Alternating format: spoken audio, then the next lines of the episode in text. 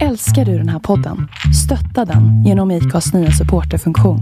Det är helt upp till dig hur mycket du vill bidra med och det finns ingen bindningstid. Klicka på länken i poddbeskrivningen för att visa din uppskattning och stötta podden.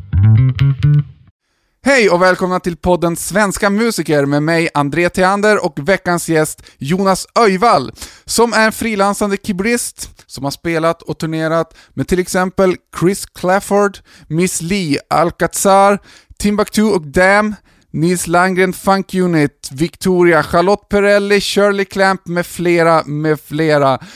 Han har dessutom spelat i diverse husband, till exempel Idol och Så ska det låta. Så det här är ett riktigt kanonavsnitt. Jag ringde upp Jonas och störde honom lite i arbetet i hans studio i Sollentuna och eh, han delade glatt med sig av massvis med erfarenheter och spännande historier, så det här vill ni inte missa. Nu drar vi igång veckans avsnitt med Jonas Öjvall.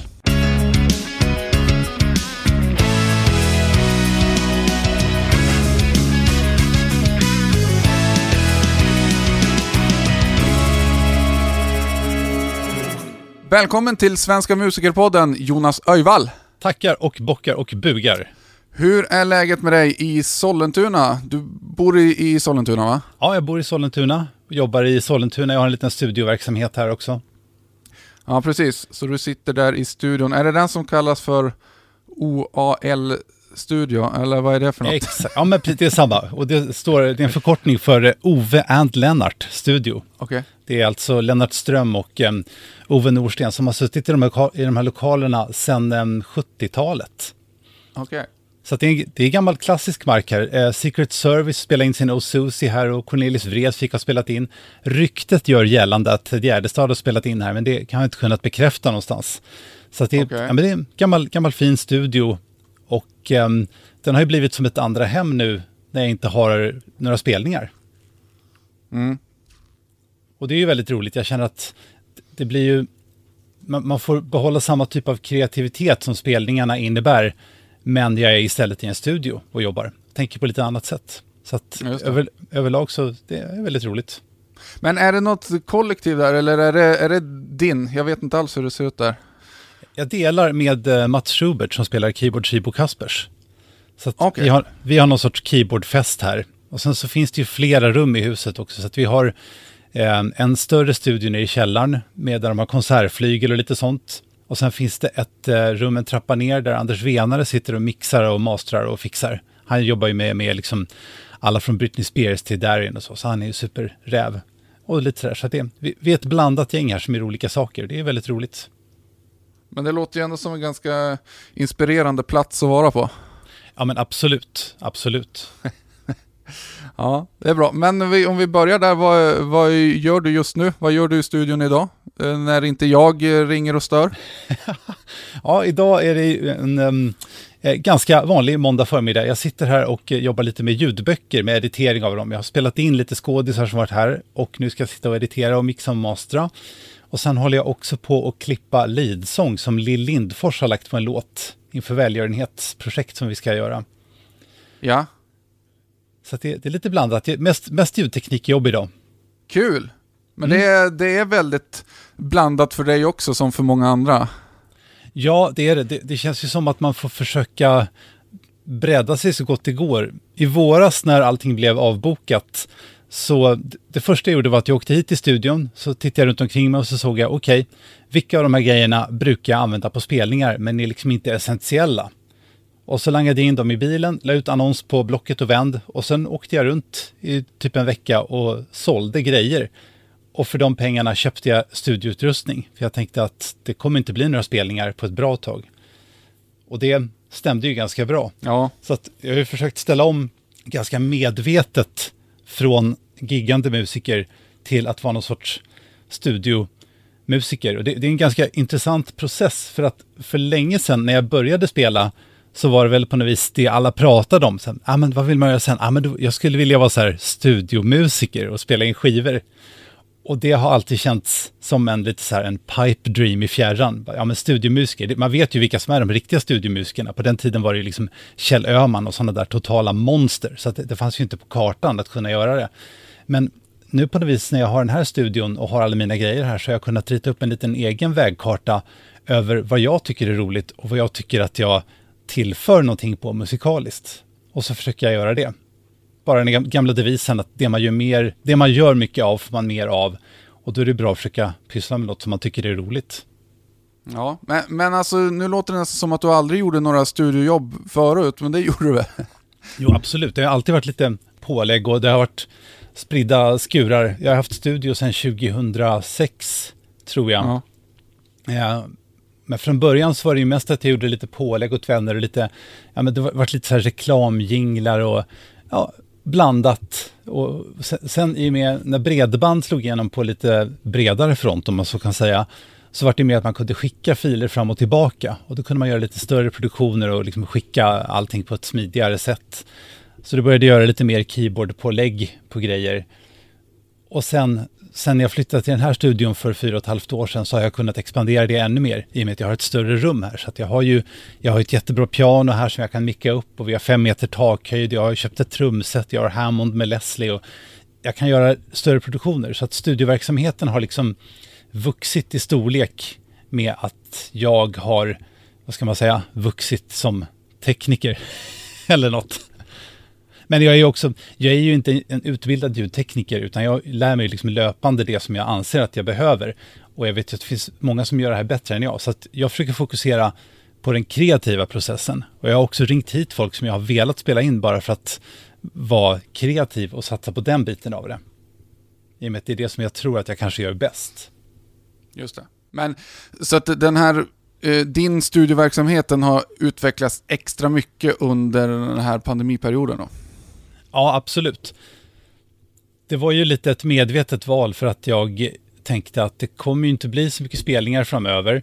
Men hur, jag tänkte fråga dig, ja. hur, hur, tidigt, um, hur tidigt insåg du det? Det känns som att de flesta, inklusive jag, var ganska naiva precis när det här drog igång för eh, ja, lite drygt ett år sedan nu, att det här eh, tar väl ett par månader liksom, men nu sitter vi här ett år efteråt. Eh, hur tidigt insåg du att det här kommer, det här kommer vara så här ett tag? Jag, jag chansade, eller så, så här var det, jag, jag, träffade en kollega som är basist som jobbar med ett franskt band. Eller, eh, och han sa, vi pratade lite om den här situationen och då frågade jag, hur ser det ut för er? Kommer du kunna åka till Frankrike och spela? Nej, sa han, men det, det, spelar ingen roll för att i Frankrike så har de ställt in alla publika evenemang som konserter och sånt fram till september 2021. Och det här sa han alltså till mig i kanske februari-mars 2020.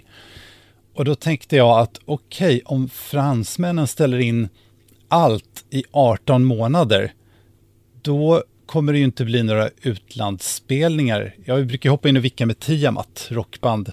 Eh, jag tänker, då blir det ju inget med dem. Och om det här fortsätter så, då kommer ju det här bli som en, det blir som en fjärilsvinge-effekt av viruset när det liksom stänger ner mer och mer. Och det gjorde det också. Så att jag har väl inte vetat det, men jag chansade ganska tidigt på att det här kommer gå åt skogen. Och där hade jag tyvärr rätt. ja. ja, det får man ju säga då. Men, eh, men eh, ja, ja. Det var ju smart av dig. ja, det, det, var väl mest någon sorts krishantering, för att det, det är inte helt gratis som studio. Så jag tänkte, jag måste ju lösa det här fort som tusan. Ja, just det. Ja, ehm, kan vi hoppa tillbaks till när du började spela keyboards eller började med ja. musik överhuvudtaget? Ja. Eh, varför, varför började du med det? Ja, det, det, är en väldigt, väldigt bra fråga. Det har jag frågat mig själv många gånger sedan dess. Eller hur? Um, det frågar man sig själv varje dag nu ja, för tiden. ska det vara så här? Nej, men det var väl mest, ja. det var väl en kombination av faktorer. Det var dels att jag, jag hade, när jag var liten så hade jag en liten synt hemma Um, och jag hade lite noter och så, men jag hade inte tagit några lektioner. Och så jag fick för mig en vacker dag att jag ville jättegärna lära mig spela Your Song, Elton John-låten. Mm. Och då hade jag en liten Casio-synt och så hade jag några så här noter på Dvorak's Largo i C-dur som jag inte ens kunde läsa. Det var liksom det jag hade. Så då, då bara bestämde jag mig för att men det här, jag vill kunna den här låten, jag ska göra det. Så att jag satte mig och letade fram en tangent i taget. Och sen efter någon dag så hade jag hittat ett S-dur-ackord utan att veta vad det var. Och sen efter två dagar hade jag hittat det här As-dur-ackordet. Och så jobbade jag mig framåt i låten, bara på gehör. Och mm. efter, efter några veckor så, så märkte jag att jag faktiskt, jag kunde faktiskt spela den, det funkade. Och mitt i den vevan, när jag då liksom började spela bara på gehör och gärna ville hitta något sätt att gå vidare i det, för jag tyckte det var kul, så hade vi eh, fysiklektion i skolan. Och på den här lektionen så tittar in en kille genom dörren, avbryter läraren. Killen som öppnar dörren är en ganska fräck kille som heter Niklas. Jag tyckte han var en av de coolaste på skolan. Med så stor eh, afro, ja men så cool kille, sån där som man gärna vill hänga med. Och han, han var ju trummis dessutom, gillade Jimi Hendrix. Han öppnar dörren och säger, Åh, vi har startat ett skolband, eh, vi behöver någon som spelar synt. Är det någon som gör det här?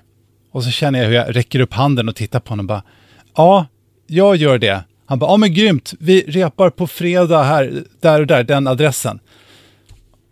Och då satt jag där och bara, men för i helvete, vad, vad har jag gjort? Jag kan ju inte spela, vad ska jag göra nu? Så då lyckades jag lura ut vilka låtar vi skulle köra och då var det tydligen en, någon typ av grej som skulle framföras i skolan i musiklärarens regi. Så att då gick jag till honom, Lasse hette han. Och så sa jag, Lasse, jag ska vara med och spela piano här med bandet. Men jag kan inte spela piano. Ja, jaha, sa Lasse. Okej, okay, men då får vi titta på lite grejer här. Och så frågade han vad jag hade gjort och så visade jag lite Your Song och lite smågrejer som jag hade plockat ut. Och sen visade han mig ett par liksom harmisar till några av låtarna. Och sen gick jag hem och övade som en idiot. Och så tog jag mig faktiskt igenom det där första repet utan att avlida. Och sen var jag liksom med i svängen och sen efter det så har det faktiskt bara rullat på. Och som tur är så har det under alla år varit lite så här brist på keyboardister så att det har, det har gått att komma in i sammanhang och inte riktigt vara där musikaliskt. Har det varit en fördel att spela just keyboards istället för gitarr eller något sånt där dumt instrument? Um, inte när man skulle rodda grejerna, då var det en stor nackdel. Jag har åkt, åkt både liksom pendeltåg och buss med någon sån här synt i flight case och även kört moppe med synt under armen. Och, ja, så det har väl inte varit logistiskt perfekt. Men eh, som jag var inne på tidigare så tror jag att det faktiskt hjälpte lite grann att det inte fanns så många som spelade piano. Jag, jag började ju spela någonstans tidigt 90-tal 91, 92 någonstans när jag var 14-15. Och det här var ju precis i grunge-eran. Så att alla ville vara liksom Soundgarden eller Nirvana och sådär. Mm. Och det här med att spela piano var inte så aktuellt för någon. Och det här med att spela synt, det var ju så ute. Alltså alla bara kallade mig Rick Astley hela tiden och hånade mig. ja, ja. Och, så, så, att jag, jag gled liksom in på ett bananskal just när det var som mest impopulärt att spela piano och eller synt. Och det tror jag var en fördel, för då kunde jag liksom spela med de här som, som ju faktiskt kunde spela. Och de gav mig en massa tips. Och sen så det fanns en, en kille som hette Kalle Löfmark som var gitarrist, som var gitarrlärare på den tiden. Och han hade gjort en bok om harmonilära. Och den fick jag tag på. Så jag satt hemma med Kalle Löfmarks harmonilärarebok och försökte pussla ihop allting. Och då hade han liksom skrivit låtar som exempel på de här grejerna han gick igenom. Och de var precis lagom avancerade för det jag hade lärt mig. Så jag kunde liksom försöka pussla ihop bit för bit hur det funkade. Och sen eh, efter det så startade musikgymnasiet Rytmus ganska snart. Eh, och ett par av mina kompisar bytte till Rytmus när vi gick i gymnasiet.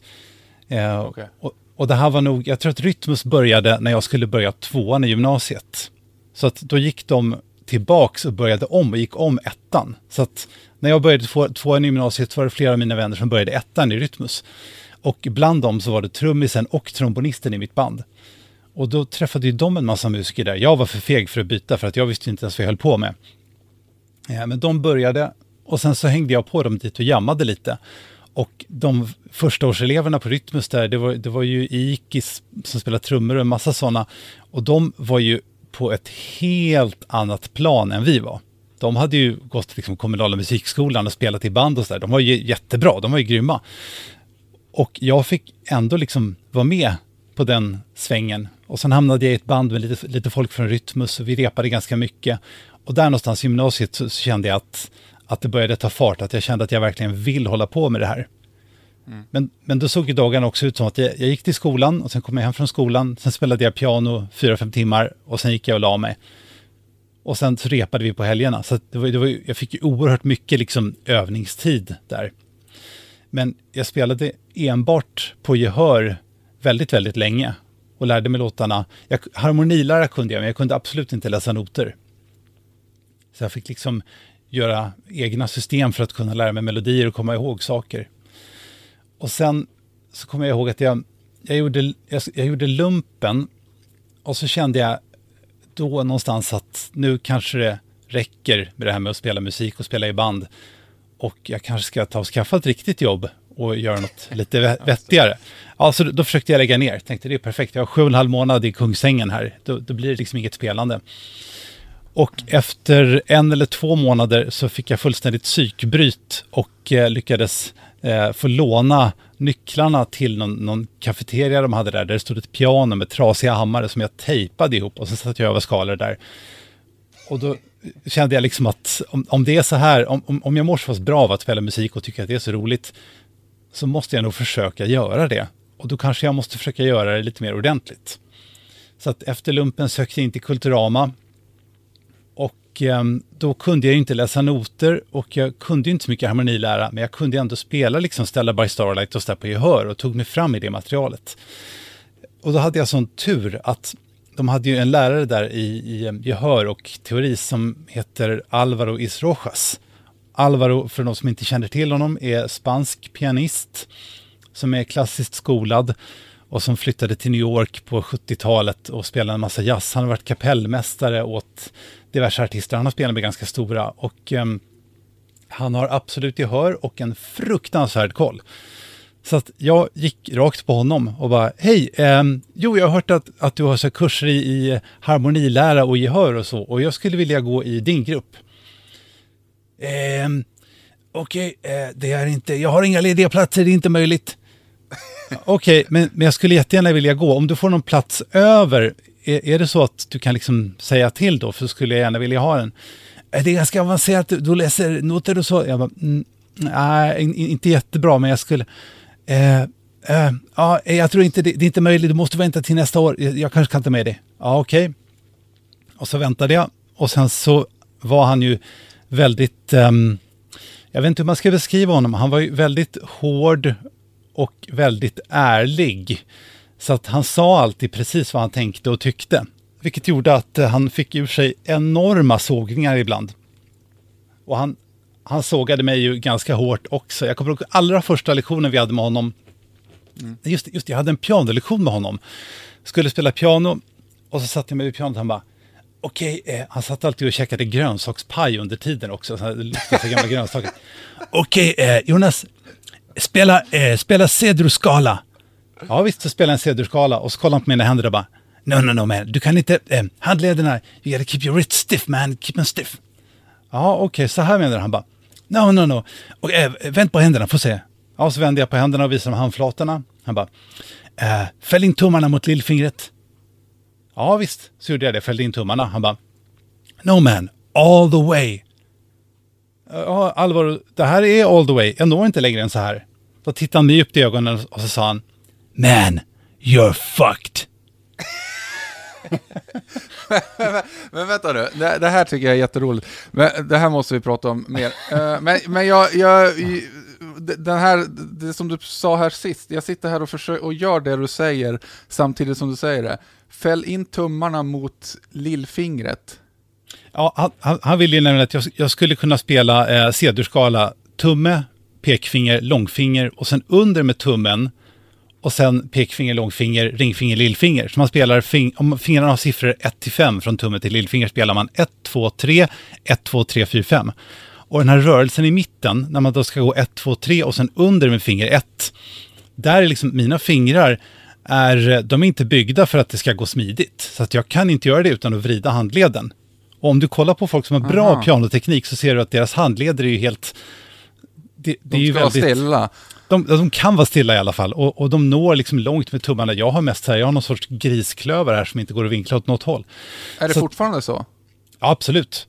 jag kan ju, okay. jag kan ju fortfarande inte, jag, för min del känner jag att hur mycket jag än övar så kan jag ju inte spela snabbt och stabilt. Det blir liksom Men. alltid en skarv i skalorna. Men det är samtidigt också, om jag, om jag tänker, om jag improviserar så hör ju jag inte snabba fraser i huvudet heller.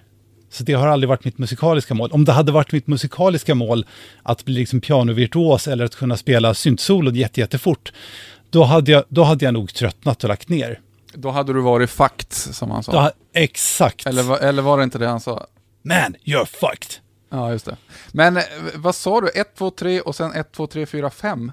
Ja, precis. Men då är man ju tillbaks på grundtonen. Ja, precis. Och sen gör man det i två oktaver som man spelar 1, 2, 3, 1, 2, 3, 4, 1, 2, 3, 1, 2, 3, 4, 5. Då kör du liksom C-dur-skalan okej. två oktaver.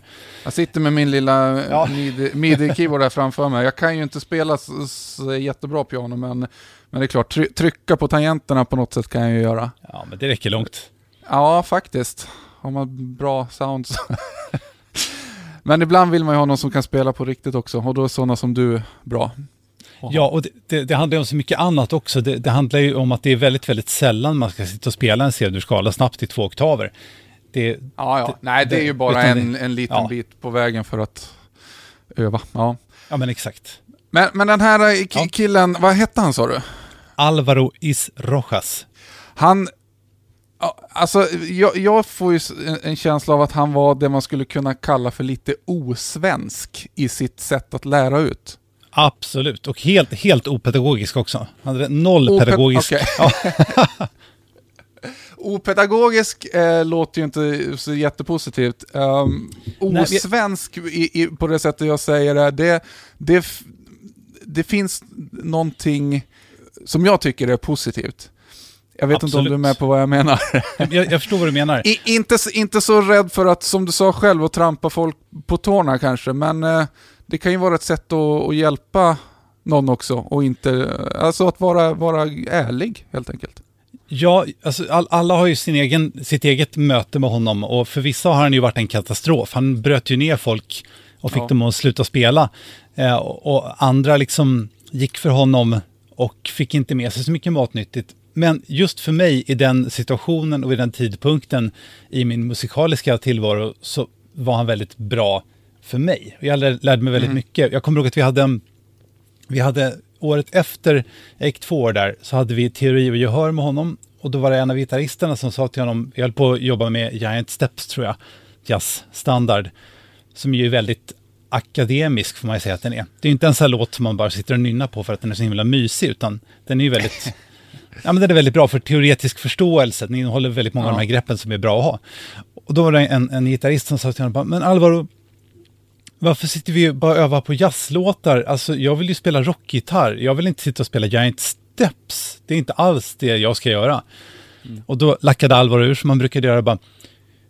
Jazz songs? I'm, I'm not teaching you jazz songs man. I, I'm teaching you music. I'm gonna play you Giant Steps like it's a motherfucking country song. Och så gick han bort till pianot och så började han spela Giant Steps, liksom så här som den låter om man spelar den som jazzstandard och så improviserar han över det. Och sen bara, and now it goes to Nashville. Och sen plötsligt så låter den här låten som en countrylåt. Och han sitter och spelar Giant Steps och jag känner att det här låter ju liksom som, som s- ja, vad, vad kan man ta för artist som exempel? Det, det låter som, som en Nashville-produktion pianomässigt. Och, och sen säger han, okej, och sen blir det en heavy metal, och sen plötsligt så spelar han samma låt, och så låter den ganska liksom så här Mahavishnu Orchestra-aktig åt rockhållet. Och så bara, and now it's a pop song. Och så växlar han över, och så låter det lite som Billy Joel. Och där någonstans för mig så var det ett sånt där otroligt aha-ögonblick, att just det, man kanske inte lär sig alla de här ackorden och skalorna för att det ska bli liksom full, teoreti full teoretisk koll är inte ett mål, utan det är ett medel. Om jag lär mig de här grejerna så är det inte för att jag ska kunna sitta och bara ja, titta jag spelar en lydisk skala, titta jag kan stapla ackorden i kvarter. Utan, utan det handlar ju om att, att nå liksom en musikalisk frihet när man vet exakt hur tonerna man spelar låter och därför kan spela precis det man hör i huvudet. Ja. Så det, det har jag siktat på sedan dess och där är jag ju inte ännu kan jag säga. Nej, nej, precis. Men det där, men precis, men det- det där är lite sånt som vi har pratat med, med uh, pratat till exempel med Micke Desselberger Wikman, jag vet inte om du känner honom? Jo, absolut. Ja. Han var min första gäst här eh, i den här podden och eh, vi pratade ju lite om det, att, det här, att, att man kan ju faktiskt öva på jazz för att bli en bättre rockmusiker. Absolut. Och det där är det nog inte alla som riktigt eh, förstår och kanske inte vill förstå heller, för det krävs ju lite, lite jobb kanske. Ja, alltså jag tycker det, är väldigt svårt det där. Jag, jag, ju, ju, äldre jag blir, desto mer känner jag att det finns ett gammalt citat som brukar tillskrivas Duke Ellington. Att han ska ha sagt att det finns bara två sorters musik. Det är inte country och western, utan det, det är liksom bra och mindre bra.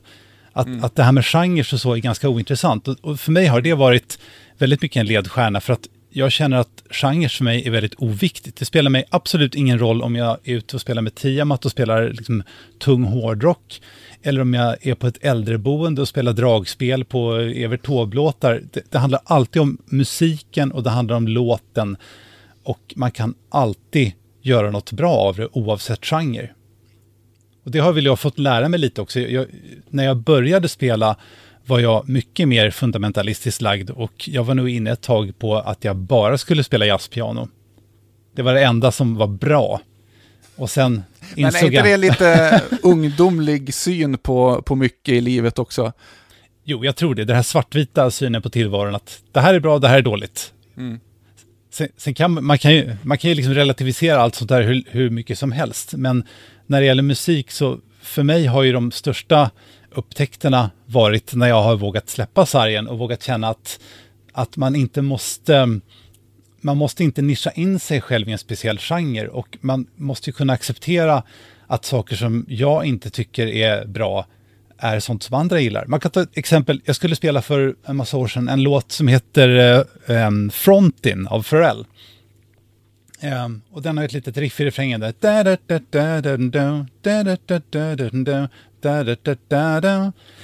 Och så går den mellan två Maya-ackord. Och när första melodifrasen kommer in där, så det låter inte så konstigt. Jag lyssnade på låten en massa innan, den var en hit då. Och sen skulle jag planka den och sen inser jag plötsligt att den första melodifrasen, den liksom starka tonen den landar på ettan, den tonen landar på en ton som ligger en halvton ovanför grundtonen i ett maj 7-ackord. Ja, skönt. Och för alla som kan, ja men kan man harmonilära alltså, lite, lite, lite minus 9 där. Ja, precis. Maj 7 minus 9. Om man, om man kan harmonilära så tänker man att det är ett sånt där ackord som kommer när en sträng går upp på gitarren eller om man nyser när man spelar något. Det är inget som man tänker att man ska göra, utan det, det är generellt så här, det, det, kommer förmodligen inte låta bra. Och sen så lyssnar man på den här Pharrell-låten och, och inser att han gör ju det och det går ju alldeles utmärkt. Och vi kan spela den med bandet och folk dansar och det går jättebra. Och jag får bara kamma till mig för att även om jag ju kan säga att det här är teoretiskt en dålig idé så märker jag mycket väl att det är en jättebra idé i praktiken. Ja. Och så började jag spela i samma veva också med ett rajband och spela marockansk musik. Och då hade vi med oss, eh, jag tror att vi var svensk trummis, basist och gitarrist. Och sen hade vi två blåsare med och sen hade vi eh, två marockanska slagverkare, en marockansk keyboardist och en marockansk sångare. Och de i sin tur räknade aldrig in låtarna. Utan det var alltid en slagverkare som bara tog upp en rytm och sen så var låten igång. Och jag fattade, jag fattade inte ens vad som hände. Utan liksom låten bara började och så, hallå, Jonas, Jonas, börja spela. Ja, men vad, vad, ska jag inte räkna in först? Ska jag bara börja? Var är ettan? Vem är jag? Vart ska jag? Och det var också ganska lärorikt att känna att de då inte alls hade någon typ av teoretisk syn på det hela, utan de spelar bara som de har blivit lärda. Att här, vi, här börjar någon kille spela och i det så fraserar han så att han kanske börjar på trean, men de andra hör mycket väl var han är. Men jag som kommer från liksom då att ha gått musikskola några år och är van att någon räknar en, två, en, två. Jag fattade ju ingenting till en början. Och sen efter ett tag så var det bara okej, okay, det är bara att släppa sargen och åka med. Jag får bara titta på dem och försöka förstå hur de kommer in i låtarna. Och det gick ju också, fast det på pappret inte var något som jag hade tänkt att jag skulle behöva göra. Men eh, jag tänkte så här då, om vi tar, för att det, det var det och sen så, precis, det börjar med ett S-dur-ackord där och sen gick ja, det vidare och, eh, och, och eh, du gick lite skolor och så här, men... Um, jag, börjar... ser som, ja. alltså jag, jag, tänker så här, jag, jag, har ju alltid spelat i band och hållit på och um, gjort massa olika saker. Och så jag kommer ihåg att jag, jag, jag läste i en, i en, musiktidning för en massa år sedan en intervju med en keyboardist i USA. Som hade, jag tror att han jobbade i Nashville och han hade jättemycket jobb. Så frågar de honom i tidningen, hur kommer det sig att du har alla de här jobben, att du spelar med alla de här artisterna?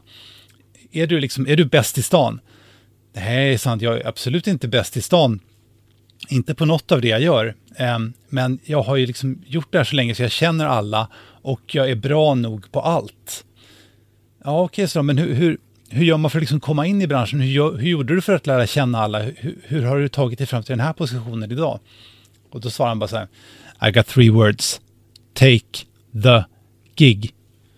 Mm. Och de tog jag lite grann till mig. Jag tänkte att jag kommer som sagt inte från en musikalisk familj. Eh, det är, en musikälskande familj och mycket liksom konstnärskap och så. Men just musik och musikbranschen har ju alltid varit ett främmande djur. Så att jag kände ju ingen förutom mina bandkompisar. Och jag märkte ju att vissa av de som gick Rytmus, de hade ju föräldrar som var etablerade musiker. Man såg ju, jag såg ju att den här musikbranschen fanns och, och att de höll på att repa och, och fixa. Men jag hade liksom ingen egen given väg in i det hela. Det fanns liksom inget sätt för mig att komma i kontakt med dem. Ingen visste riktigt vem jag var. Ingen skulle ju ringa mig för att göra ett gig och sådär. Så jag kände att jag, jag måste hitta ett sätt att komma in i det hela. Och för mig blev då metoden Take the gig. Så att jag hade ett par år när jag verkligen tackade ja till allt. Och jag gjorde alla möjliga konstiga spelningar på olika ställen med olika människor. Nu för tiden så är man kanske lite mer selektiv för att jag vet vad vissa spelningar innebär och man kan vara lite mer um, kan ha lite mer framförhållning i vad man tackar ja till. Mm. Men, men då, om jag backar bandet till när jag var 20, så kände jag det att, att jag kände att jag, jag, jag, kan ju ändå liksom spela till en viss del och jag tycker att det är roligt och jag vill hålla på med det här. Och jag skulle ju vilja lära mig mer och komma in i svängen lite mer. Så då, då om, om det ringde någon och sa hej, kan du komma och spela här på ett bröllop? Så, Absolut, jag tar det. Kan du spela på en begravning? Absolut, jag tar det. Kan du komma här och stå i sjömanskläder och spela dragspel utanför en butik? Absolut, jag tar det. Här, kan du komma och spela jullåtar inne på vår nagelsalong i Bagarmossen? Absolut, jag tar det. Så att, mm. alla sådana grejer. Så jag åkte ju runt till liksom ett elpiano på en pirra i stan i flera år, känns det som. Och gjorde allt möjligt. Och efter ett tag så kom man ju in lite grann både i det här att man spelar väldigt mycket och att det blir mycket musik och sen att det dyker upp väldigt mycket nya människor hela tiden som till slut utkristalliserar sig till att man träffar samma människor igen. Och så märker man att ja, men den här är ju rolig att spela med, den här personen vill jag jobba med. Och så leder det ena giget vidare till det andra. Sen är det ju mm. också mycket, det är ju det är mycket tur och timing också. Jag känner för min egen del att min liksom karriär som frilansmusiker började egentligen efter att jag hade hoppat in och vickat. Um, om man backar bandet till 2002-2003 någonstans så började ju Wallmans expandera väldigt mycket. Och de, och de hade då ett koncept som hette Wallmans på turné, som var att de åkte runt i landet och spelade med massa olika föreställningar och körde liksom middagsunderhållning. Jag hade en kompis som gjorde det giget, Jocke Nyhoff, superbra keyboardist. Och han blev dubbelbokad på någonting och ringde mig. Och då tänkte jag att men det här är, visst, det är klart jag hoppar på det. Så att då hoppade jag in och började vicka och så gjorde jag en massa sådana Wallmans på turnéspelningar. Det var ju bara piano och sång och så lite backtrack-nummer som man spelade till också. Och träffade en massa roligt folk. Och sen i den vevan så träffade jag också alla de här pianisterna som jobbade på Wallmans. Och det var ju liksom Figge von Wachenfeld och Daniel Palm och Jocke Jocke och Robin Svensson. Och, alltså massa sådana här otroligt kompetenta musiker. Och då, då kände jag i allt det här att okej, okay, nu, nu har jag faktiskt lite jobb med de här och, och det kommer säkert bli mer. Men alla de här andra musikerna som har varit med längre, de är first call. De kommer alltid få samtalet först. Är jag bättre än dem? Nej, det är jag ju inte. Kommer jag kunna liksom ta över gigs om de tackar nej till dem? Ja, jo men absolut, det kommer jag kunna ta, men jag kommer alltid vara liksom den de ringer som tvåa. Jag kommer alltid vara tvåa på bollen.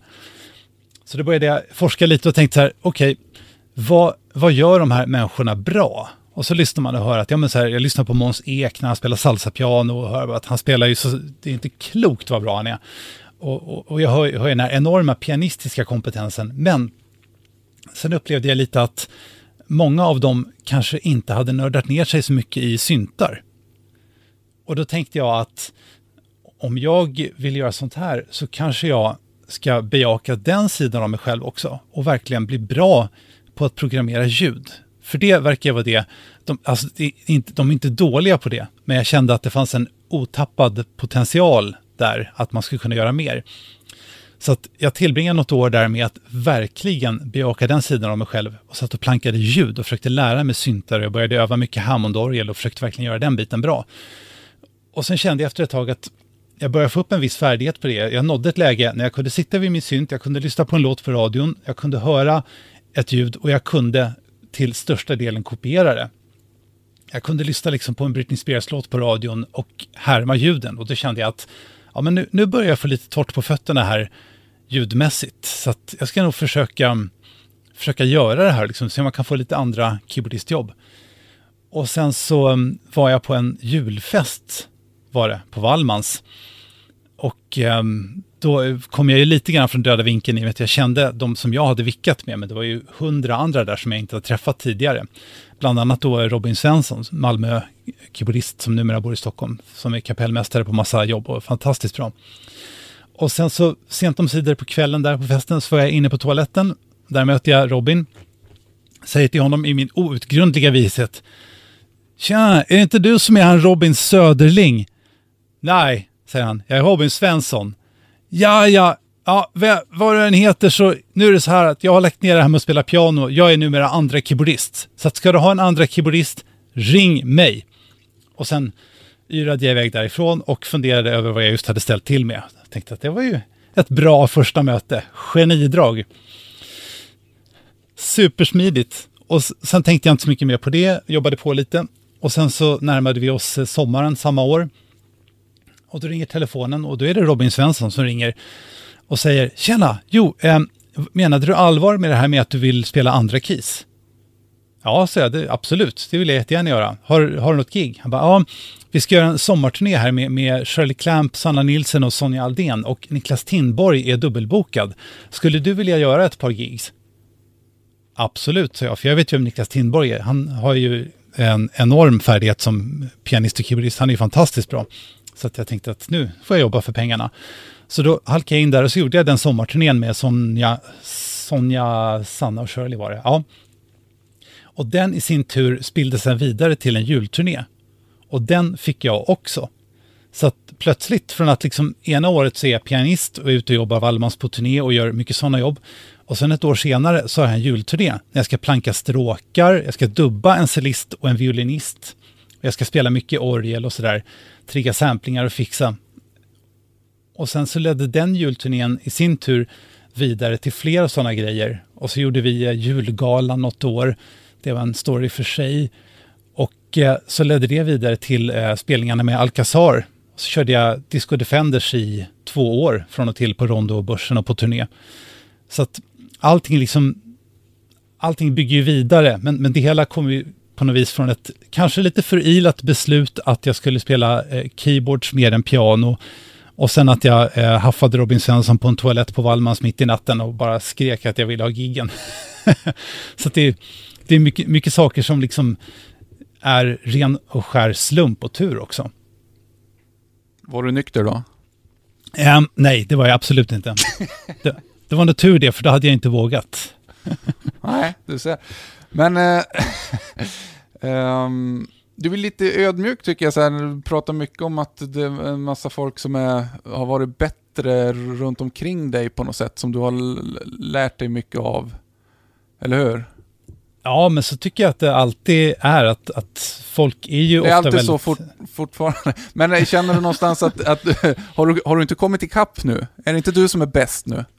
Alltså, jag tror inte det finns något bäst. Det handlar bara om, om liksom smaksak. När, när man kommer, det handlar väl om att man ska klara av att spela vissa saker och sen att man liksom försöker göra det från hjärtat så mycket det går.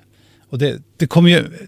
Det, det är svårt det där, för det, det kommer ju alltid ut unga musiker. Varje år så kommer det ut nya keyboardister och pianister från musikhögskolorna runt om i Sverige som är jättebra, de är superkompetenta. Och du har ju kvar de flesta av de gamla också, det finns ju jättemycket bra folk. Så jag, jag tror ju att ett av skälen till att jag har lyckats vara kvar i svängen på något vis. Det är väl en kombination av att jag i grund och botten, jag, jag älskar musik och jag lägger gärna den där extra timman på att kolla in ett ljud och kolla in en prod och göra det så bra som är fysiskt möjligt för mig. Och sen också den här grejen att jag älskar verkligen att umgås med musiker i musiksvängen. Jag tycker det är fantastiskt kul att få liksom hoppa in i en turnébuss och åka i 18 timmar någonstans. Sånt där som i andra yrken kanske är ett straff. Bara, Lasse, kan du köra upp Volvon till Piteå imorgon och hämta 15 brädor? Ja visst, vilken öken. Och jag är mest här bara, yeah, hoppa in i Volvon här och kör upp till Piteå och hela vägen så kan man sitta och lyssna på musik och prata om musik. Och när man kommer fram så spelar man musik. Så att jag, jag marinerar mig i musik så gott jag kan och tycker det är roligare och roligare för varje år som går. Ja, verkligen. Det är fantastiskt. Uh, jo, nej, men jag bara tänkte på det här med, med the Take the Gig. Uh, jag vet inte när, när du fick den devisen till dig så att säga, men eh, det känns som att du hade det lite i dig redan från början där när du låg på han där på, var det Kulturama? Ja, ja eh, precis. Ja. Att, att du verkligen ville in i hans, eh, hans gäng där och, och lära dig och du, du, liksom var, du, du har aldrig varit rädd för att eh, ta för dig på det sättet? Nej, inte på det sättet. Sen de gånger som jag har fått spelningar på det viset så har, ju liksom den här totala skräckkänslan kommit senare när jag inser att jag, nu måste jag ju kunna leverera. nu måste ja. ju det här bli bra. Och så, så var det faktiskt också med Alcazar-grejen, kommer jag ihåg nu när vi pratar om det, att de, de skulle ha en sättning, de skulle ha en keyboardist och backtracks. Och så pratade vi lite om det, för att vi var, jag och Robin Svensson var ute och gjorde en julturné Eh, när han fick förfrågan om att göra jobbet. Och så pratade vi lite om de här sakerna fram och tillbaka. Och jag har för mig att, att jag sa till honom att ehm, han borde verkligen, jag tror jag sa det på ett väldigt menande sätt, att du, du, behöver inte ringa mig, men, men tänk på att om ni ska spela diskomusik i liksom ett och ett halvt år, så kan det nog vara kul att ha så lite som möjligt på backtrack, så man är lite friare. Och jag har ju också, jag, grejen är att jag är också, i, i och med att jag gör väldigt mycket olika så har jag ju väldigt mycket blandad erfarenhet och jag har ju också spelat, jag har ju vickat ganska mycket med ett disco tribute-band så att jag kände att den grejen har jag koll på. Jag vet hur jag kan spela det. Jag har programmerat ljud så att jag kan mörka de här liksom stråkaccenterna och så där som är så himla viktiga för att få till rätt ljud. Så att jag, jag tjatade mig inte in på det giget, men jag skulle väl säga att jag snackade mig definitivt in på, på det. För det skulle egentligen varit backtracks. Men som jag la upp det så blev det att han pratade med dem och sen till slut sa de att ah, vi ska nog ha en till keyboardist. Uh, men började du jobba då direkt efter, um, var det efter Kulturama där? Ja, precis. Då hade jag ju träffat en massa nytt folk.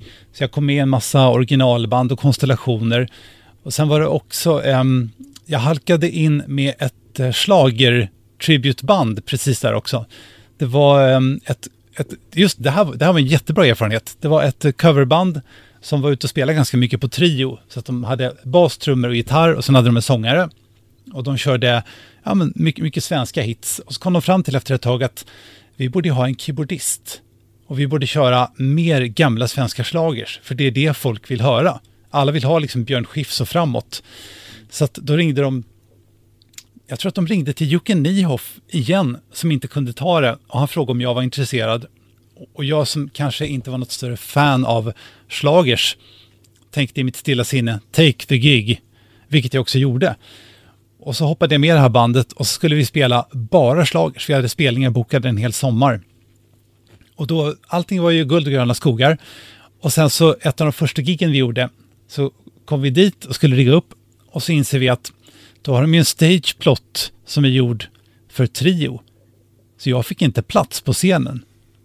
Det fanns ingen plats, så att jag fick sitta bakom subbasen bredvid scenen utan tak och utan monitor, för det fanns ingenting.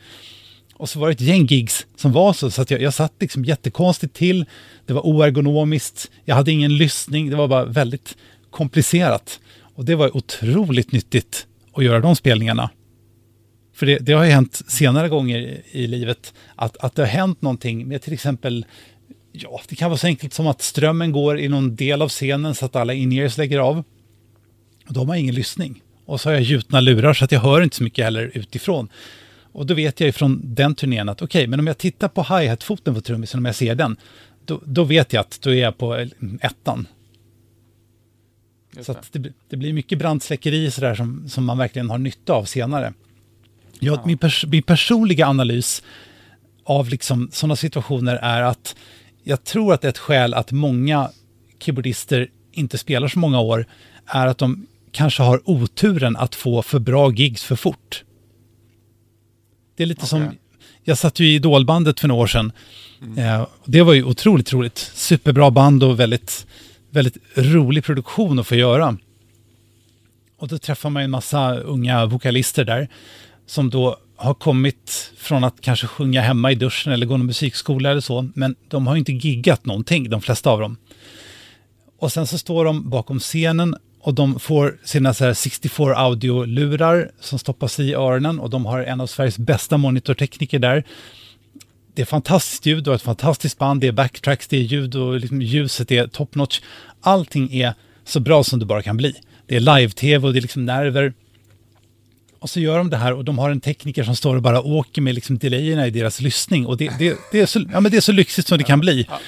Och, och sen så, de gör det och sen så kommer de kanske tvåa eller något. Och ett år senare så står de så här och sjunger sin hitlåt utanför McDonalds i Täby centrum och de har en sprucken monitor där och det hänger barn med kräksjuka in över något staket. Och då ser man lite hur de, de dör i ögonen. Det är något som dör. Och då tror jag att det är väldigt bra att ha kommit den andra vägen, att man börjar med att göra en massa gigs där det är en massa krångel och problem och sen komma till det där läget att det är bra. Jag, har, jag kommer ihåg första gången som jag hade en backline-tekniker. Det var så här en dag som, som alltså det var som glädje. Vi skulle ut och göra en turné. Och sen så var det, då var det också frågan så här, ja, men kan du spela liksom Hammond och, och syntar? Så, absolut. Jag har ju, jag kan ta med min liksom orgel här, det är en tvåmanualig orgel och så Leslie och så har jag flight case till det. Eh, och det är ju ganska mycket att rodda och släpa på, men det är klart att vi tar med om det blir bäst så. Ah, ja, nej men rodd och rigg och så där, det behöver du inte bekymra dig om, utan vi har ju backliners, de sätter upp allting. Va? Alltså riggar de mina grejer också? Men hur ska, de, hur ska de veta hur det ska kopplas? Ja, men vi proddrepar i Stockholm och så märker de upp alla kablar. Och sen när det kommer till första giget så, så är det så det var på proddrepet. Jaha, jag var mycket skeptisk men kände att ja, men det blir säkert jättebra. Och sen så kommer vi till första, första liksom soundcheck på turnén. Någonstans, vi kanske repade i Luleå eller vad, jag vet inte vad det var. Kommer dit och så står min orgel där och mitt Leslie och synten ligger där och alla kablar är kopplade och allting funkar och lamporna lyser. Och så är det bara för mig att gå upp och spela. Jag behöver liksom inte hålla på och, och släppa runt grejer och patcha kablar i en timma. Och sen efter giget, när vi är färdiga, då behöver jag inte koppla ur alla kablar och rulla. Och du vet, man klämmer sig på någonting, man gör illa sig, man skitar ner kläderna och det är bara krångligt alltihop. Utan istället så bara kliver jag bak från pianobänken, lägger noterna i en mapp och så är jag klar. Mm. Och det var som, det här är som nyårsafton och julafton och födelsedag samtidigt. Jag kan koncentrera mig 100% på bara det musikaliska. Jag kommer göra en hel turné utan att klämma mig, utan att sträcka ryggen och liksom så här. Så det, det, det var som en total julklapp och bara glädje. Och sen, och sen har jag också alla, alla gigs jag har gjort när det har funnits backline-tekniker så har jag lagt ifrån mig noterna, så har jag klivit tillbaka, tittat på mina grejer och så har jag tänkt, det här borde jag behöva packa ihop, lasta in på något släp och gå lämna på ett lager, komma hem fyra imorgon bitti. Men det är någon annan som gör det och den personen har skäligt betalt för att göra det. Och det har gett mig glädje var, varje sånt gig. Ja. Um, hur är det att vara, att sitta i liksom idolbandet eller eh, Så ska det låta har du också gjort va? Ja, Så ska det låta gjorde jag i tre år. Nu har de pausat det. Va, vad var bäst av de två då? det är, väldigt, o, det är väldigt, väldigt, väldigt, olika format. Man kan tänka så här, Idol, Idolbandet är ju eh, väldigt mycket så skarpt läge i och med att man ska spela de här låtarna och det är kondenserade versioner, så att det är liksom korta versioner av låtarna. De ska låta väldigt rätt, man har jinglar och vignetter och sen har man också den här grejen att du har en, en liksom frontfigur som kanske är väldigt osäker och inte så van vid att sjunga. Om man då ska köra en låt så är det oerhört viktigt att vi spelar så rätt och bra som möjligt så att de inte, så man inte fintar dem. För det är, det är de som är i fokus och då måste man ju leverera hela tiden. Eh, och sen hela det här eh, grejen med, med, formatet också, att det är tävling och folk är nervösa. Så ska det låta är ju lite mer som att du har vissa förberedda nummer. Vi körde lite medleys och sånt, de var ju förberedda och repade. Men sen när det är själva tävlingsmomentet, då är det ju som att bara ta önskemål på vilket bröllopsgig som helst. Kan ni köra Michelangelo? Jajamensan, tre, fyra, daga, da. Och så är det bara att åka. Och det, det känns ju väldigt um, kravlöst i det att det finns ju ingen som kommer dit som kan liksom kräva något annat av bandet än att vi gör vårt allra yttersta. Och att vi försöker göra låtarna bra. Sen är det ju också, de, de år som jag satt med, det var ju, var ju så löjligt bra band också. Men vi hade ju Per Lindvall på trummor, det är inte klokt. Och nu får Per Björling på bas. Alltså det, det, är så oerhört mycket kompetens och så mycket stora öron. Så att man och Jonas liksom, Öjvall på, på Kiss. På femte Kiss, eller fjärde, vad blir det? Men du, jag har en jätterolig ja. fråga där. Du får, du får svara ja. som du vill här nu. Absolut. Men eh, så ska det låta. Hur är, eh, är tävlingen på riktigt där? Ja, eh, tävlingen är på riktigt. Så här funkar det för vår del. Vi vet ju vilka artister som kommer dit, vilka program. Ja, jag tänk. Så att jag tänker för min del att om, om jag vet så att ja, men Tommy Nilsson kommer på tisdag, då vet jag att okej, okay, då kommer han kanske köra någon av sina låtar. Vilka av det dem kan jag... vara bra att kolla in en dag. Ja, sen ja. gör de ju så att vi får ju Spotify-listor av artisterna som kommer, de brukar komma typ um, två veckor innan programmet. Då har artisterna skickat in, typ det här är den repertoar som jag brukar köra. Och så får man ett gäng låtar. Eh, men grejen är att det hjälper inte så mycket för att när det är två veckor kvar till inspelning, då har vi precis fått alla våra medleys, vi ska repa, vi ska, jag ska sätta alla de ljuden, det är jättemycket att förbereda. Och sen första året tror jag att den här Spotify-listan var 25 timmar effektiv speltid. Och andra året var den mer, den var typ 35 timmar. Och så har man två veckor på sig som är helt fullknökade. Så att man hinner liksom inte lyssna in det. Utan det enda man kan göra är att man kan ta den här listan, så kollar man på den och bara Ja, jag känner igen de här låtarna, det där vet jag inte vad det är för något, det kanske kommer. Och sen när man väljer där i skarpt läge, då kan det bli något helt annat också. Sen finns det ju vissa artister som man vet har en hit. Och då är det ju ingen raketforskning. Då vet man att okej, okay, de, de, den här låten kan de. Men sen kan det, det kan ju bli väldigt... Jag älskar ju det här momentet när man inte riktigt vet vad som väntar när man börjar spela. Eh, och det har ju gått både bra och dåligt. Vi hade... Mm, för min del kan man ta, ja men typ Tommy Nilsson var där ett av åren. Jag spelar med Tommy, han är jättebra sångare och jag, jag, vet ju vilka låtar han brukar köra. Och så sitter han och pratar med pianisten och viskar där. Och så börjar han spela någon låt och så bara lyssnar man, ja ah, det är Destur, bra vad är det här för något? Och så börjar han sjunga och så är det Mr. Mister, Broken Wings. Och då tänk, första tank, tanken är ju att just, det här är ju inte en låt som jag har kört med Tommy. Men det här är en låt som jag har kört. Och dessutom en låt som jag har programmerat ljuden till. Så att jag har nailat de här ljuden. Och sen har jag gjort ett supersmart system så att jag kan byta ljud jättefort. Så då kunde jag dyka in i banken och så hittade jag min preset för Broken Wings. Färdig med liksom alla ljud, samplingar och what not, liksom allt ligger där. Så då kunde jag stämpla in och så kör vi hela den låten och den låter ju liksom i stort sett som original. Det blir syntbas och liksom trum, allting är rätt. Då är det ju superkul att liksom känna att, att det kan bli så pass bra fast det egentligen inte finns någon förutsättning. Och sen andra gånger, jag kommer Shirley Clamp var där och så började hon köra Den jag älskar. Och den, då vet jag så här, men jag har ju, den här, här har jag spelat med Shirley, det vet jag. Och det är också så här, jag vet, jag vet i refrängen där så kommer det några så här bells och sen är det brass och jag kan alltihop, jag vet det här. Så då liksom låter jag de andra ta versen och så går jag mot refrängen, kollar tonart. Och så i refrängen så har jag tagit fram mina bells som är liksom så här ganska fina FM-klockor med lång decay. Och de kommer som ett svar på Den jag älskar, dagadam, kommer det bells. Och så kommer refrängen och så sjunger Shirley den. hon bara Den jag älskar. Stämplar in maxvolym i helt fel tonart. Och med jättelång decay, så liksom halva den där refrängen så hänger mina helt fel toner kvar. låter, låter otroligt dåligt. Men det är ändå liksom mycket hellre det än att man safear och försöker spela lite försiktigt. Jag chansar ju hellre fel i det formatet än att spela korrekt men tråkigt. Men sändes det när du gjorde den grejen? Um, jag Kom minns, jag minns faktiskt inte. De har ju, där har jag ju lite fördel för att jag är ju linad.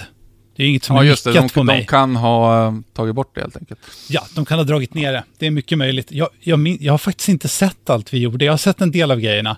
Jag kollade in Broken Wings för att jag kom ihåg att, att jag tror att den gick bra.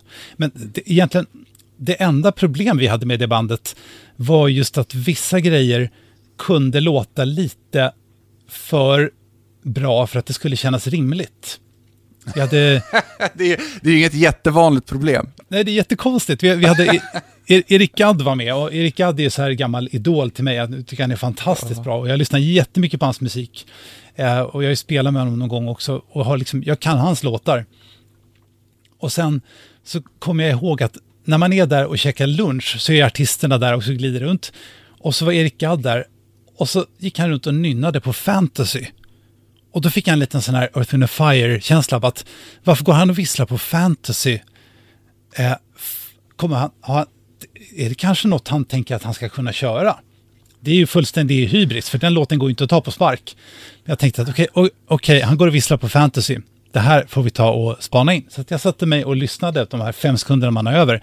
Så bara lyssnade jag in liksom det här kalimba-riffet i den. Tänkte att jag kan försöka, om han kör den så försöker jag i alla fall, så får vi se hur det går. Och så mycket riktigt så är det program, det är inspelning. Han sitter vid pianot och så börjar liksom versen lite rubato.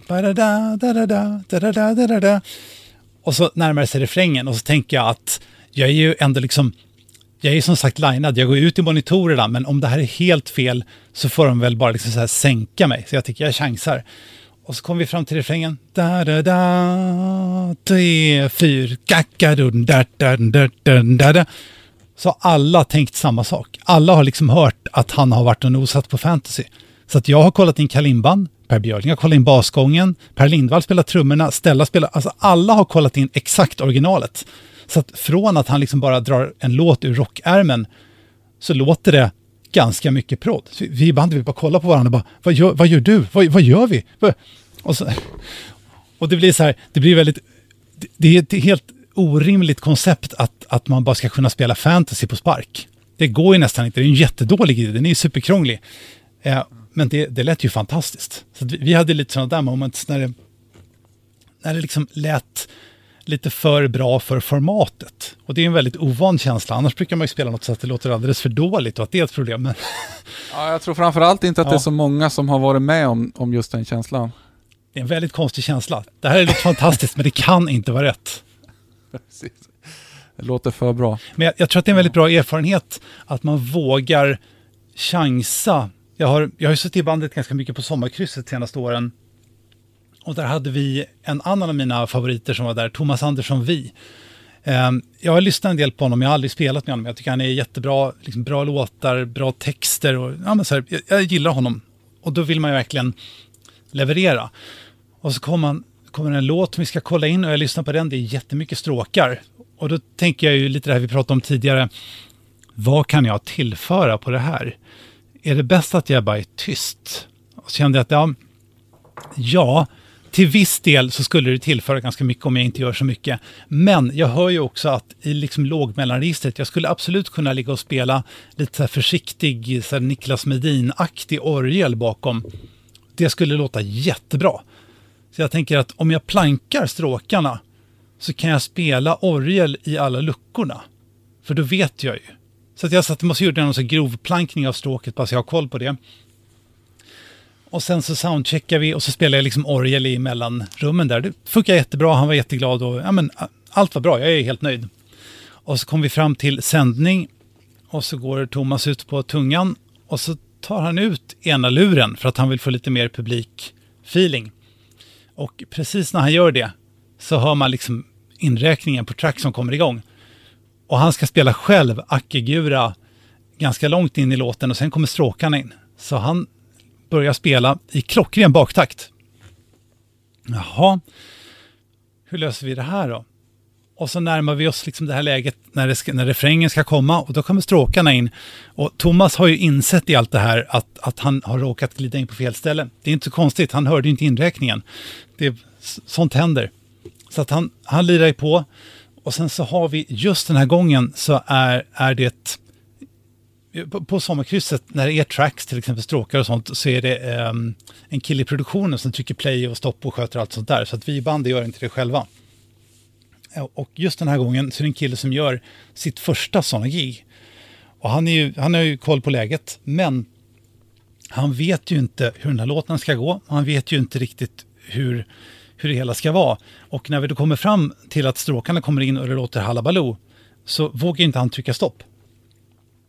Och jag hör hur Micke som är kapellmästare trycker ner sin talkback-mick som bara går till oss i bandet och de backstage. Så säger han till dem bara, stäng av backtracket. Snart kommer det liksom körer och grejer och sånt där effekter, så stäng av backtracket. Och backtracket rullar på och det låter inte så bra och sen ska hela bandet komma in och då känner killen backstage att det här är inte bra. Så han trycker stopp på backtracket. Men då har vi ju problem nummer två, nämligen att den här låten är ju jättebaserad på det här stråkarret. Det är ett jättefint stråkar och det kommer nu inte komma. Vad, vad gör man då? Och då, då, kommer det här liksom att, att jag faktiskt ville spela något till, så att jag hade ju plankat stråkarna. Så att då fimpade jag min orgel och sen så spelade jag stråkarna Um, in, naturligtvis inte exakt som det var, för jag hade ju liksom inte noterat det exakt. Men jag hade ju noterat det close enough. Så jag spelade stråkaret så gott jag kunde och försökte liksom spela det in the spirit of originalet. Och sen efteråt så kände jag bara en enorm lättnad över att jag hade kollat in det, men också lite skakig för att det är jobbigt att sitta och spela något man inte riktigt kan i live-tv. Och så hör jag ju Thomas går och pratar med kapellmästaren och bara, ah, ledsen, alltså jag, jag hörde inte inräkningen, jag missförstod där, så att det, jag kom in i baktakt och, och jag hörde att det blev fel mot backtrack, men hur lyckades ni vända det rätt egentligen? Och då kände jag bara, så, tack, där kom min lilla belöning. Ja, men det är skickligt gjort. Också just bara den här grejen att, att jag faktiskt, jag gjorde det inte för att jag ville kunna spela det, utan det var bara för att jag ville kunna spela runt det, för att jag gillar musiken, jag gillar låten och om, man då, om jag ska spela någonting så vill jag ju veta vad jag ska spela till. Så det var ju mycket tur också. Ja, tur och tur. Ja, men... Tur och eh, glädje. ja, det, det, är det det bygger på. Ja, men, men det, du, det man, mm. ja. Nej, men jag, jag, tänkte på att vi, vi har, jag pratade lite om Så ska det låta och Idol och sådana tv-program med liveband. När tror du att vi får liveband i Melodifestivalen igen? Eh, då tror jag man får lov att flytta till Danmark eller Italien. Ja, okej. Okay. Jag tror inte att det ja, kommer bli så. Då ses ja. vi där. nej, men nej, det är inte det viktigaste för min egen del. Men visst är det tråkigt att det inte är det? Ja, jag, jag känner lite grann att um, jag, jag, jag, kollar faktiskt inte på Melodifestivalen för att jag, jag får inte ut så mycket av det. Nej. Och det, det, är, trå, det, det är väldigt tråkigt att, att känna så. Det skulle ju kunna vara en verklig så här årlig återkommande musikfestival. Det hade stor... kunnat vara det, men jag håller med om att formatet som, som det är nu är ju ganska trist. Men jag vågar knappt säga det, för att då tycker ju folk att man är så här, försöker vara en slags snobbig jävla musiker, ja, jag vet inte. Men... Ja, men exakt. Det, Nej, men det är svårt. För, det, det, det, är också så här, det, det, är ju inget fel på produktionen. Alla som är inblandade är ju, de, de gör ju ett fantastiskt bra jobb. Jag kollade lite häromveckan när jag låg hemma med corona. Det kanske inte var bästa läge att kolla på Melodifestivalen. Huvudvärk och feber. Ja, um, men det, är ju liksom, det går inte att säga att nej, ni gör det inget bra. För det är ju jättebra. De är ju ärkeproffs. Ja. Det blir fantastiskt bra. Det ja, kanske bara nej, men det, liksom, det är ju inte det det handlar om. Men, ja. så, sårade musiker. Men i Italien så är det ju också så att där har orkestern en, ut, en egen utslagsröst. Så att om de tycker att ett bidrag är dåligt så, så kan de föra oväsen och då röstas det ner. Det är lite okay. intressant. Och de kan också, de har liksom en extra röst som de kan ge eller ta till olika bidrag.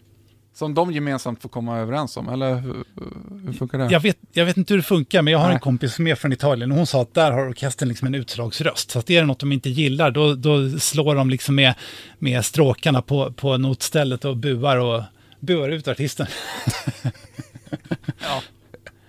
Nej, men jag, ja, ja, jag, jag, känner, jag, känner, jag känner så här att jag har absolut inget emot Mello, men jag skulle gärna vilja att Eh, jag skulle vilja se ett program i SVT som liknar det Jules Holland hade. Där du har liksom en programledare som har koll och är insatt och som bjuder dit aktuella eller bara evigt relevanta artister. Och så har du liksom en timmas direktsänd tv-underhållning med livemusik varje vecka. Mm. Det, det, skulle jag gärna vilja se. Något där det bara handlar om musiken. Och alla andra grejer runt omkring är irrelevanta. Det behöver inte finnas någon tävling, det behöver inte finnas något lotteri. Det behöver bara finnas att, att liksom artisterna kommer dit, snackar lite grann om sina låtar och om livet i allmänt, mm. spelar dem och så fokuserar man på det. Det skulle jag verkligen vilja se. Till exempel nu, nu under coronaåret så har det sänts livekonserter från Gröna Lund. Mm. Och de har ju haft jättemycket tittare. Det är otroligt kul att se. Och det, har varit liksom blandning, tror jag, jag har inte sett allt. Men det har varit en liten blandning av etablerade och nya artister och ja, men väldigt bra grejer. Och det känns som att en sån grej i studioformat skulle man gärna vilja se varje vecka. Att det bara finns och fortsätter. För att det skulle i sin tur, tror jag, hjälpa väldigt många musiker nå ut till en ny publik och, och, hjälpa många av oss som spelar instrument att ha gigs regelbundet, liksom att det finns lite sådana grejer. Sen hoppas jag ju främst att, att liksom de här lite mindre klubbgiggen kommer tillbaka snart. Mm. Det tycker jag, är, tycker jag är absolut roligast. Om man spelar på till exempel, ja men säg en lokal i storleken Vasateatern som tar in kanske mellan 500 och 1000 personer och med bra akustik och bra ljud. Sådana spelningar, klubbgigs, det, det hoppas jag verkligen kommer tillbaka snart. För det saknar jag mest av allt. Ja, verkligen. När tror du att vi får komma ut och spela igen egentligen? Våga, tror... vågar, vågar man hoppas på någonting nu? Ja, det, det kom ju lite nya bud nu i veckan bara om det här med vaccinintyg. Eh, som ju verkar innebära i praktiken att om man är vaccinerad mot covid så ska man då kunna gå på konserter nu till sommaren redan. Tyvärr så tror jag att det tåget redan delvis har gått. Jag har ju fått all, hela min sommar är redan avbokad. Så att alla spelningar som jag skulle gjort nu under vår och sommar är flyttade till oktober-november. Men vaccinet är ju så himla nära nu så jag tror att nu kan man faktiskt se ett ljus i slutet av tunneln. Men det kan nog bli som min kollega sa för ett år sedan, att det blir kanske i september 2021 som vi får spela ut igen lite mer som vanligt. Mm. Ja, det tror jag med. Eh, men jag tänkte, det har ju funnits en tid innan det här. Ska vi prata lite om, om eh, roliga spelningar eller turnéer sådär som du har gjort kanske? Någonting, någonting speciellt? För du har, du har ju spelat så otroligt mycket med massa olika grejer liksom. Nej, men det, jag tycker det är väldigt givande att få komma ut och spela. Det, det är ju fruktansvärt roligt att få komma iväg och spela utomlands. Det, det tycker jag är bland det roligaste som finns. Jag var gjorde en miniturné för ett år sedan, blir det väl, nej två år sedan naturligtvis, i eh, Mexiko. Och det var också sådär, jag fick ett samtal, bara hej, vi ska och, och, iväg med, med bandet här och spelar på en hårdrockskryssning i Karibien och har fått det här förlängt med tre datum i Mexiko. Men keyboardisten vi har med kan inte ta de tre. Skulle du vilja flyga över till Mexiko och göra tre gigs och sen hem igen? Så på fem dagar, flyga ner, göra tre gigs och sen tillbaka under en vecka liksom. Take the gig. Jag bara, jag bara absolut, count me in. Och, och så gör man liksom det och hoppar på ett plan och flyger till London och sen till Los Angeles och så ner till Mexiko. Och så är det bara rakt in och så soundcheck och tre gigs och sen hem igen. Och så känns det som att man har gått igenom en torktumlare på så många plan. Man liksom jetlaggad och lycklig och ätit god mat och träffat roliga människor och, och fått uppleva så otroligt mycket på en vecka. Det är det som liksom ett vanligt yrke kanske ger på flera år kan man klämma in på väldigt kort tid. Mm. Sånt är ju otroligt givande.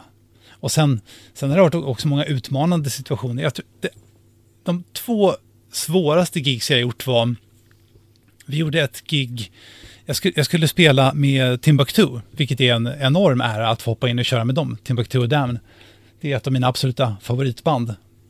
Mm. Och um, jag skulle vicka dem med dem på en spelning i Norge.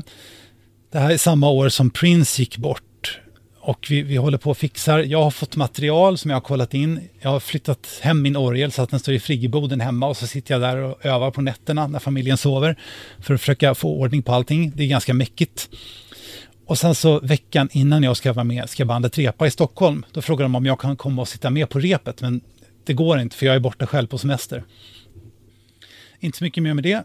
Och sen så pratar jag med Erik som jag vickar för när de har repat och så säger han, ja, jo, um, det är ju eh, det är så här, att Prince har ju gått bort och vi var lite trötta på en del av arren så att vi har, vi har arrat om lite nu i en del av låtarna.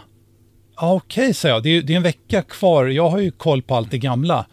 Hur, eh, vad är det nya som jag måste öva på? Han bara, ja, vi har nog ändrat allt. har ni ändrat allt? på ett Timbuktu-gig med de här alla referenslåtar och sen mellanpartier. Ja, eh, men det finns en repinspelning här. Så då var jag tvungen att liksom planka om hela gigget och lära om allt det här som jag hade suttit och dunkat in i huvudet i en månads tid. Med helt nya referenslåtar och övergångar. Det, då kände jag lite grann att det brann i huvudet. Men det gick, det gick vägen, det gick bra. Till slut. Ja, shit. Sen hade vi ett gig med eh, julgalan när vi var uppe och repade i Falun. Och så hade vi premiär och det gick jättebra, superduper gig. Vi hade premiärfest, vi åt julebord och verkligen unnade oss. Det var supertrevligt. Och sen så på den här turnén delade vi rum. Och eh, så vaknar jag på morgonen av att jag hör hur min rumskamrat gör någonting inne på toaletten som inte låter helt hundra. Jaha, tänker jag. Så, jag. så jag går dit och knackar på dörren och frågar hej, hur, hur är läget? Hur mår du? Och han svarar, jag mår inget bra alltså. Jag, jag ligger här och spyr. Jaha, tänker jag. Okej, nu ska vi se. Då har han åkt på någon maginfluensa. Eh, det vill inte jag ha, för jag ska åka buss många timmar. Det känns inte aktuellt. Så att jag packade min väska och drog ut och satte mig i lobbyn och tänkte jag får försöka byta rum och lösa det här. Och så träffar jag eh, någon annan från produktionen som, som är på väg ut på stan och bara, jag måste gå ut på stan, min kollega ligger och spyr på rummet. Din med? Men jaha, okej. Okay. Men jaha, så gick vi ut och tog en promenad och så mötte vi två av dem som höll i hela produktionen och då sa de att um, en, en, majoritet av produktionen låg matförgiftad på rummen. För att då hade vi ätit julbord. De hade ställt fram till oss mat som hade stått framme för länge. Det var ingen som hade koll. Så att det var väl någon sill där som stått framme i 8-9 timmar och ljummat till sig. Ja, och jag är livrädd för sånt där, så jag käkar liksom bara grejer som är hållbara, som jag tar med typ en separat gaffel och safear. Men, men då var ju liksom över hälften av bandet och dansarna var ju sjuka och en del av artisterna också. Och sen sjukast av dem alla var vår stackars kapellmästare. Han var så dålig så han kunde inte ens gå ur sängen. Han var helt förstörd. För han har ju liksom jobbat en månad med de här arren och artisterna och verkligen gjort ett superjobb. Och sen kommer en sån här krasch. Att han, han inser liksom att han kan inte spela. Det går inte. Och då pratade vi lite om det. Och de som höll i det sa att um, um, om inte han kan spela så kanske vi får ställa in ikväll. Och då kände jag att jag brukar göra så att jag repeterar med Sibelius-filer, med notskrivningsprogramfiler som jag får av kapellmästaren. För att jag behöver ju kunna båda våra grejer. I och med att jag, jag behöver ju kunna pianobiten och sen spela runt den. Jag gör ju helt annat. Så jag kände också där igen att jag kan ju faktiskt de flesta av de här insatserna hyfsat. Så, så jag sa att jag kan ju försöka, om det känns rimligt, bygga ihop våra två keyboardriggar och så kör jag så mycket som möjligt av båda, men fokuserar på pianot och så gör jag så mycket som möjligt av det som jag egentligen skulle gjort. Så kom vi fram till att vi gör det, för att då, då behöver vi liksom inte ställa in gigget. Det, det vore ju väldigt dåligt. Så då, då körde jag hela gigget som första och andra keyboardist. Och så lämnade jag över alla inräkningarna till trummisen, för jag sa att jag kan inte räkna in någonting, jag kommer vara helt tom i skallen. Och då hade jag ju liksom repat det här materialet, men de flesta av pianoinsatserna hade jag inte spelat utan bara hört. Så vi körde i en och en halv timme där, alla de här medley-grejerna och fram och tillbaka och spika in alla ljud och försöka liksom realtidsprioritera om det är viktigast med piano eller stråkar eller om jag snabbt som tusan kan få, liksom få en tredje arm. Så körde vi hela giget och det gick faktiskt, det gick faktiskt vägen och, och funkade. Och sen efteråt så stod jag på scenen och försökte samla ihop resten av mig själv. Då var jag helt slut. Det var lite grann som att skriva högskoleprovet samtidigt som man springer maraton. Helt färdig. Ehm, och, och, när jag står där på scenen så, så hör jag en sån här mörk, ljuv stämma bakom mig som säger Det där gjorde du jävligt bra grabben, ska du veta. Du vet, jag jobbar med Kjell Öhman i många år. Det, det du gjorde ikväll, det gjorde du bra. Och så vände jag mig om, då är det Lasse Berghagen som var en av artisterna på galan. Och så gav han mig en sån här stor, riktigt stor björnkram så här, som bara Lasse Berghagen kan göra. Och nästan lyfte mig från golvet fast jag är nästan 1,90. Och så, ja, och så dunkade han mig lite på, på axeln och skulle gå därifrån. Och då hör vi en kille i publiken som ropar Lasse! Lasse! Och han är ju supertrevlig så att han gick fram och sa Ja min gode man, vad kan jag stå till tjänst med? Lasse, du tappade den här! Och då visar det sig att i den här kramen som Lasse ger mig så tappar han en länk från sin högra arm som han fick av Lill-Babs. Som är liksom hans käraste ägodel som han aldrig tar av sig. Den gick sönder där och då och flyger ut i publiken. Så att då kan man tänka så här, om det här inte hade hänt och alla blivit sjuka, då hade inte jag gjort gigget. Och då hade Lasse inte kommit ut till mig och då hade han inte tappat den där länken just där just då till den killen som gav tillbaks den. Så att det, det är så mycket sjuka saker som linar upp. Så Lasse Berghagen fick behålla sin länk, jag fick en stor björnkram, vi rådde ihop giget, allt löste sig. Det är lite så här the butterfly effect. Fullständig butterfly-effekt. Ja. Eh, Men det gick ju bra som sagt. Men jag tänkte på, var det inte typ hälften av alla som blev sjuka? Kunde Jo, de det var det. köra ändå? Eller, Ja. eller hoppar du in för dem också? Nej, de, de, de flesta körde ändå och det var ju verkligen tappra insatser. Jag vet, vet Ja. att um, Carl Olandersson som spelade lead-trumpet, han, han var jätterisig stackarn, han mådde, mådde jättedåligt. Och han hade ett långt så här, trumpet-solo långt upp i salsa-oktaverna när han skulle stå där i sina vita showkläder på en puck på scenen i Spotlight och han är magsjuk. Så det, det, det kände man att det där blåser ju upp till strul. Jag var lite orolig för hans skull där. Jag tänkte, det här kan inte gå på så många sätt, men det gick bra. Men vi hade, jag kommer ihåg det stod papperskorgar backstage och de här stackars dansarna sprang ju fram och tillbaka och spydde i papperskorgarna och det var ett totalt mayhem. Jag kan ju inte dansa överhuvudtaget jag kan inte förstå för mitt liv hur man kan dansa som de gjorde om man dessutom är magsjuk. Det är helt ofattbart. Men the show must go on. Ja, det, det är verkligen så. Ja, Nej, men det, det är bra. Eh, Finns du online någonstans om det är någon som vill följa dig på något sätt eller ta del av det du gör? Ja, jag finns ju em, på, jag är inte så superaktiv, men jag finns på Instagram och där heter jag i ett ord Jonas Keys. Passande. Ytterst passande. Och annars så em, tror jag inte att jag är så superaktiv på sociala medier. Jag bara klagar på politik på Facebook. Ja, du gör det ändå? Eh, Jag har väldigt mycket problem att hålla tyst om saker när jag tycker det är fel. Ja. Men jag, eh, jag bekänner mig inte åt någon politisk riktning, utan jag, jag ställer mig fri i mitten och jag klagar på de allra flesta.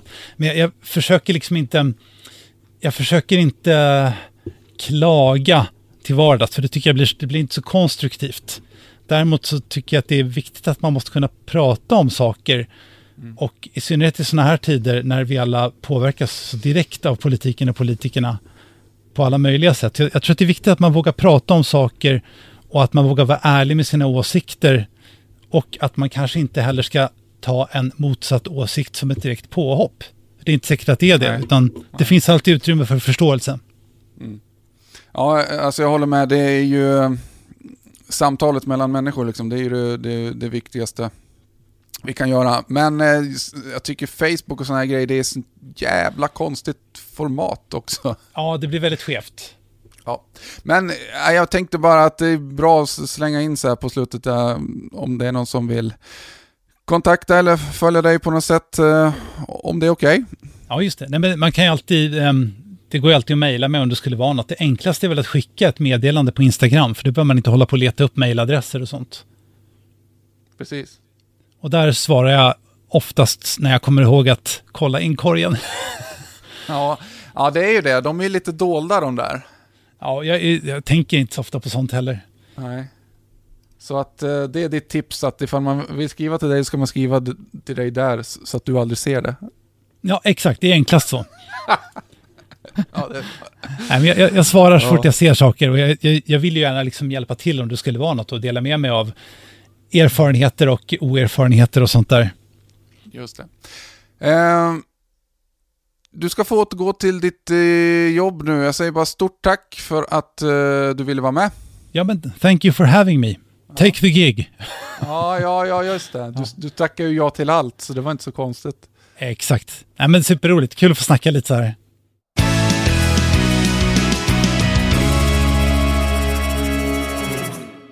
Tack till er som har lyssnat. Gå gärna in och ge ett betyg på den här podden på Acast, Podcaster eller eh, iTunes så att fler hittar hit. Det är till stor hjälp.